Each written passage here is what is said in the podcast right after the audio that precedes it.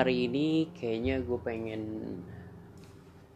hmm, ngobrol dikit sama diri gue gue pengen tahu lebih banyak soal diri gue karena itu gue coba uh, cari-cari rapid test uh, rapid question gitu. Buat apa ya lebih mengenal diri gue lebih deket aja kayaknya karena menurut gue uh, kalau kita nggak kenal sama diri kita sendiri ya gimana caranya kita mau ngembangin diri gitu kan? Emang harus uh, dari diri kita sendiri dulu yang tahu kita ini siapa uh, kemampuan kita di mana keinginan kita untuk berkarya itu di bidang apa segala macam so kita coba. Oke. okay. Di sini gue punya 10 pertanyaan buat diri gue sendiri yang mana akan gue jawab sendiri dengan uh, sejujur mungkin. Dengan apa yang di eh, apa yang pernah gue lalui gitu dengan pertanyaan ini. Jadi kita mulai aja. Pertanyaan pertama. Momen paling memalukan. Gue nggak tahu ya karena karena dari dulu mungkin kayak gue eh, nggak uh, pernah ngerasa malu untuk ngelakuin apa pun itu. Cuma mungkin uh, dulu gue pernah presentasi di di internal kantor sih bukan di di apa namanya di halayak ramai gitu ya di depan publik enggak jadi gue kayak ngomong lagi presentasi soal uh, ya kerjaan gitu. Tiba-tiba lidah gue uh, keserimpet. Dan gue nggak nggak nggak tahu gue lupa juga gue ngomong ngomong apa dan satu ruangan itu ketawa. Jadi kayak ketika gue gue ngerasa tuh kayak ketika gue ngomong serius terus tiba-tiba gue melakukan satu kesalahan yang gak gue sengaja dan orang ada yang ketawa gue kayak bro gue lagi serius tolong hargain gue please. Gue juga kayak kayak ngomong gitu dalam diri gue tapi tapi kan uh, apa namanya apa yang orang lakukan kayak misalnya mereka ketawa segala macam itu kan ya mungkin uh, apa ya uh, refleks aja gitu. Kayak ya udah apa yang terjadi tiba-tiba di depan mata mereka ya itulah yang mereka lakukan gitu. Nggak ada sih sejauh ini. Next question. Apa sih arti uang buat lo um, arti uang buat gua. Sebenarnya kayak kalau gue gue gue pernah mengalami dua fase hidup ya yang pasti semua orang juga pernah mungkin ya ada di atas ada di bawah. Dan mungkin kalau dibilang gue pernah merasakan dua-duanya ya gue pernah merasakan dua-duanya. Karena kalau misalnya dibilang ketika gue di bawah gue nggak punya uang gue bingung gitu harus uh, apa namanya gue bingung harus makan apa gimana jadi lebih kayak mikirin gimana besok gimana hari ini gimana kayak minggu depan gitu apakah bisa bertahan hidup dengan uang segini.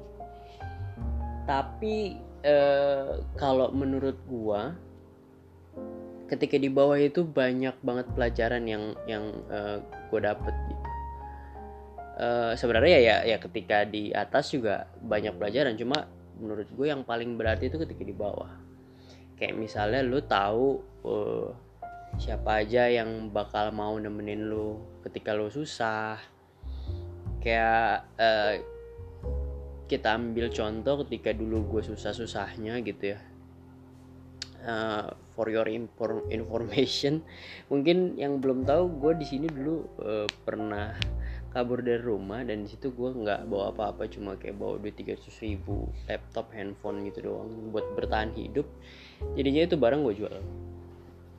Uh, apa yang yang uh, terjadi itu ketika uang gue habis gue masih punya teman-teman gue yang uh, support kayak makan tempat tinggal segala macam itu kayak satu hal yang uh, ketika lo nggak punya duit tapi lo tetap bersyukur gitu ada dengan adanya mereka. Oh jadi kalau menurut gue sih ya duit berarti juga cuma bukan yang utama menurut gue. Dan kalau misalnya ada ada pertanyaan antara uang dan teman menurut gue gue lebih pilih teman. Karena dengan dengan adanya teman gue nggak nggak apa ya uh, ya dengan adanya teman lu bisa aja punya duit. Gitu. Dan mereka pasti tul tulus gitu kalau misalnya mereka mau nemenin lu. Tapi kalau misalnya lu punya duit lu kaya segala macem lu punya temen pun udah pasti tapi nggak tulus. Nah di situ menurut gue yang kayak hmm, uang nggak terlalu penting tapi memang ya dibutuhkan juga sih sebenarnya gitu. Itu menurut gue next question. Arti cinta buat lo. Cinta. Uh, sebenarnya gini ya kalau kalau mau diomongin cinta menurut gue terlalu klise. Kenapa? Kalau kalau apa hmm, yang gue percaya itu sebenarnya sayang sih kasih sayang sih kalau cinta tuh kayak misalnya kita lagi kayak baru hmm, beli apa ya misalnya kita punya handphone baru gitu. Gue eh, atau misalnya gue seneng sama uh, makanan gitu ya. Terus gue bilang gue cinta banget sama ini makanan. Tapi kalau misalnya makanan ini udah nggak enak ya gue nggak bakal mau makan lagi gitu. Jadi gue hanya cinta sama ke kelebihannya dia kalau misalnya dia udah uh, mengalami pengurang pengurangan atau apa namanya kayak udah nggak sesuai dengan yang gue inginkan ya gue bakal bakal cari makanan yang lain gitu yang gue menurut gue enak gitu. Tapi kalau sayang ya menurut gue itu kayak kita kayak beli beli sesuatu kayak misalnya handphone gitu kan ini masih baru masih mulus segala macam kita beli pakai pengorbanan nih kita bakal jaga ini se se apa namanya se, se sesayang itu gitu. Misalnya jatuh wah kita langsung kayak khawatir gitu wah lecetnya di mana nih gitu kan. Kayak gitu sih. Dan menurut gue cinta tuh ya ya relatif ya tapi kalau sayang itu ya memang udah mutlak gitu oke okay, next question. Karir menurut lo? Oke okay, karir. Uh, kebetulan gue memulai karir ini memang dari bawah banget. Kayak uh, mungkin 2014 awal atau 2013 akhir lah gitu. Dan kayak apa apa pun yang yang gue jalanin itu ya gue bersyukur karena apa yang terjadi dengan gue sekarang adalah gue yang uh, apa namanya mengalami itu beberapa tahun lalu gitu kan Nah, dari beberapa tahun lalu itulah yang membentuk gue sampai sekarang yang dulu beberapa tahun lalu juga gue uh, bisa uh, promosi gitu ke ke ke level up lah gitu. Dan dengan pengalaman-pengalaman yang udah gue jalanin itu juga gue memutuskan untuk uh, apa ya bergerak sendiri. Maksudnya bergerak sendiri itu ya gue nggak ada di bawah uh, perintah siapa pun atau dari perusahaan apa pun. Gue berusaha untuk memulai sesuatu uh, sendiri gitu memulai bisnis sendiri gitu. Ya dengan dibantu teman-teman gue juga pastinya gitu. Next question. Orang tua buat lo orang tua. Uh, secara pribadi orang tua buat gue itu ya memang mereka mulia dengan cara didikan mereka masing-masing.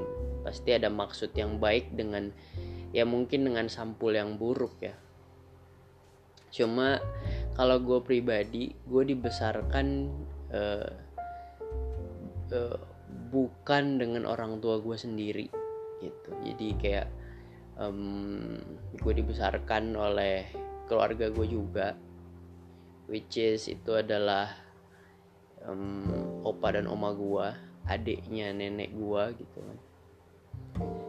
Jadi uh, gue hanya merasakan kasih sayang uh, apa ya seperti orang tua tapi bukan orang tua tapi sudah gue anggap orang tua sendiri sebenarnya dulu. Dan dan ketika gue tahu gue punya orang tua yang benar gitu ya the original parents of mine gue kayak yang ya seneng seneng. Cuma makin ke sini makin ngejalanin itu kayak ya mungkin mereka udah berusaha untuk melakukan yang terbaik buat gue tapi uh, ya mungkin juga guanya yang kurang bisa menghargai atau mensyukuri adanya mereka dan usaha mereka uh, untuk membahagiakan gua. Tapi ya mungkin memang jalannya untuk ke tidak dekat-dekat banget gitu menurut gua. Jadi ya kalau lu tanya soal orang tua ya they good as they can. Tapi kayak menurut gue untuk gue ya I have nothing to say gitu. Oke okay, next question. Wanita idaman lo. Uh, apa ya? Kalau ngomongin cewek itu nggak bakal ada bisnya karena semakin kita cari yang lebih dan lebih itu nggak bakal pernah ketemu. Um, selama ini gue udah pernah ngejalanin dengan beberapa cewek yang apa namanya dari fisiknya bagus bagus banget sampai yang kayak biasa aja. Ya tentu juga kita juga apalagi gue sebagai cowok juga kalau ngelihat cewek kan ya menafik lah kalau nggak lihat-lihat dari fisik gitu cuma makin e, bertambahnya umur makin meningkatnya kedewasaan kebijaksanaan dan dan apa uh, kebutuhan kita gitu ya sebagai laki-laki. Makin di sini tuh lu lebih melihat uh, kualitas dari inner beauty-nya sih menurut gue karena kalau menurut gue ya percuma juga cantik tapi dia nggak punya uh, apa namanya daya jual dari dalam hatinya gitu kan. Dan uh, fisik menurut gue udah bukan hal yang pertama lagi. Ya mungkin dulu iya tapi ya mungkin sekarang udah bukan yang hmm, mendominasi lah untuk uh, terpilihnya cewek gitu kan buat ngedampingin gua terutama jadi ya kalau gue sih sekarang jalanin aja apa yang gue dapet gue syukuri. Gitu jadi nikmatin aja dengan siapa pun gue menjalin hubungan. Next question. Entrepreneurship menurut lo? Entrepreneurship gue gue sebenarnya secara pribadi sih dari 2018 itu udah punya ide bisnis gitu ya. Dan gue juga um, ngejalanin dan ngebuat uh, satu bisnis kecil di bidang F&B tapi mungkin karena baru banget uh, itu adalah langkah pertama gue jadi pengusaha gitu ya. Gue belum terlalu banyak belajar juga di retail di bisnis makanan. Jadi mungkin kayak passionnya itu ya nggak di situ karena pada dasarnya juga bukan gue yang ngejalanin secara langsung gue hanya memantau keuangan gimana operasional segala macam uh, kalau entrepreneurship yang uh, apa ya besar menurut gue ya mungkin sekarang gue lagi uh, proses menjalani tapi dengan keadaan covid kayak gini mungkin juga ya sedikit membebani ya sedikit berat untuk ngejalanin ini cuma gue tetap harus coba karena di balik entrepreneurship ini nggak hanya gue yang gue sendiri yang merasakan uh, kesulitan ini tapi ketika gue bangun sebuah uh, bisnis atau sebuah uh, tempat untuk orang lain mencari nafkah ya itu adalah tanggung jawab gue dan entrepreneurship menurut gue ya memberi makan tidak hanya untuk diri sendiri tapi juga untuk orang lain gitu dan entrepreneurship adalah salah satu uh, bidang di mana kita bisa melakukan hal-hal mulia ya. Karena menurut gue ya membantu itu ya salah satu hal mulia juga yang harus kita lakuin di dunia ini. Gitu. Uh, next question. Konspirasi menurut lo konspirasi. Uh, kalau kata uh, gue lupa siapa. Uh, jadi konspirasi itu sebenarnya hanya hanya apa ya dialog tanpa arah yang kalau kita debatkan itu sebenarnya tanpa data. Karena uh, menurut gue itu hanya hanya apa ya hanya istilah untuk Eh, hal-hal yang sebenarnya nggak kita mengerti tapi dengan apa dengan realita yang kita jalanin sekarang itulah uh, yang tertanam dalam otak kita. Maka ya, menurut gue itu bisa disebut dengan konspirasi gitu. Hal-hal yang kita nggak percaya tapi ternyata ya terjadi gitu dengan dengan uh, apa serangkaian uh, pengaturan gitu serangkaian rencana yang yang mungkin terjadi ya itu menurut gue konspirasi. Tapi secara uh, apa secara data gue nyebut ini tuh kayak new world order. Dan gue memang tertarik uh, mempelajari ini. Gue juga baca uh, beberapa buku beberapa beberapa artikel tentang uh, awal mulanya new world order siapa pemainnya siapa yang mulai kayak gitu-gitu. Itu gue dalemin semua. Tapi so far ya apa pun yang gue lihat sekarang mungkin kalau orang bilang konspirasi ya mungkin. Tapi balik lagi ke realita. Kita harus bijaksana buat ngejalanin hidup ini. Kita nggak bisa terpaku sama apa yang kita bilang konspirasi. Dan kemungkinan itu belum tentu benar terjadi gitu. Itu hanya membuang-buang waktu untuk mikirin itu. Yang harusnya kita pikirin itu ya gimana caranya kayak misalnya di covid ini yang banyak orang bilang konspirasi ya mungkin uh, jalan keluarnya ya kita tetap berusaha uh, tetap ngelakuin apa pun yang harus kita lakuin untuk uh, menuhin semua kebutuhan hidup segala macem. Jadi ya sementara ini ya pinggirkan dulu urusan konspirasi dan segala macem kita balik dulu ke realita untuk uh, ngelanjutin hidup gitu sih. Next question. Logistik atau konten kreator? Gue sebenarnya kalau ditanya soal ini uh, kalau kalau mau dibahas soal konten kreator ini baru aja gue jalanin gitu. Jadi ya masih banyak pelajaran yang harus gue tahu uh, dan harus gue dalami lagi ya. Karena uh, dari logistik ini gue bisa berpikir bahwa gimana caranya logistik itu dikombinasikan dengan digitalisasi yaitu dengan konten uh, kreator gitu.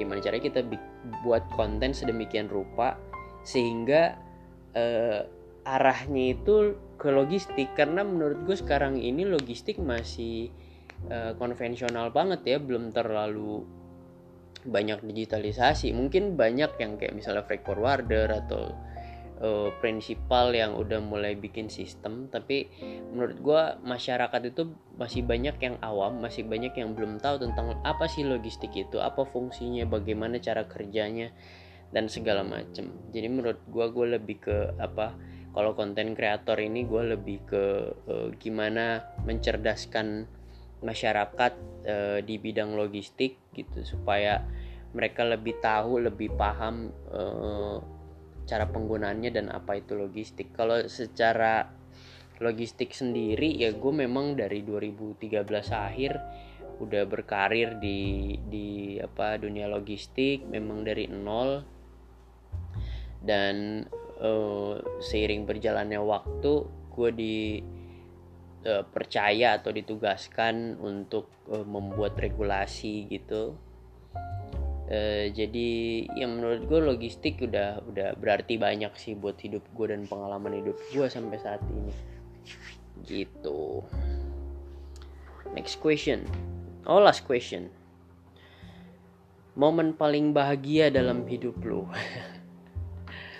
gua gua nggak tahu ya karena hmm, bahagia itu menurut gua terlalu klise. Karena karena apa pun yang gua gua rasa gua bahagia untuk menjalani atau gua merasa bahagia untuk mendapatkan itu nggak akan selamanya gitu. Dan mungkin uh, mungkin ya gue mungkin belum mendapatkan kebahagiaan yang gue cari gitu atau mungkin gue aja nggak terlalu peka. Tapi satu hal yang yang gue pengen untuk uh, membuat gue bahagia di hidup ini ya gue pengen ini sih bahagia sama uh, keluarga kecil gue nanti. Karena kalau dari pengalaman hidup gue gue nggak bisa uh, apa namanya mendapatkan kebahagiaan di keluarga gue sendiri. Karena ya berbagai macam hal selain uh, bokap dan nyokap gue divorce gitu ya. Tapi gue masih punya harapan dengan uh, masa depan gue dengan uh, ya mungkin istri gue nanti dan anak gue nanti untuk uh, bahagia gitu ya di hidup gue sendiri gitu nah Oke, selesai. Itu dia kayak 10 rapid question buat diri gue sendiri dari diri gue untuk diri gue sendiri agak lucu juga sih ya cuma gue uh, buat ini ya mungkin hanya untuk merefleksikan diri gimana untuk uh, lebih kenal sama diri gue sendiri dan mungkin dengan 10 pertanyaan itu nggak mewakili hidup gue secara menyeluruh gitu ya. Tapi at least gue bisa ngobrol sama diri gue sendiri gue bisa jujur sama diri gue sendiri. Dan gue share ini untuk ya mungkin sebagai pengalaman atau uh, pelajaran hidup juga buat teman-teman yang denger. Jadi semoga bermanfaat. Uh, kalau dikasih kesempatan atau ada waktu pasti kita buat uh, konten kayak gini lagi. Ini hanya trial lah untuk podcast Idea Culture. Uh, dengan apa namanya tamu berikutnya ya, yang pasti bukan gue lagi pasti orang lain. Gitu. Jadi terima kasih untuk waktunya untuk mendengarkan gue di podcast Idea Culture. Terima kasih. Sampai jumpa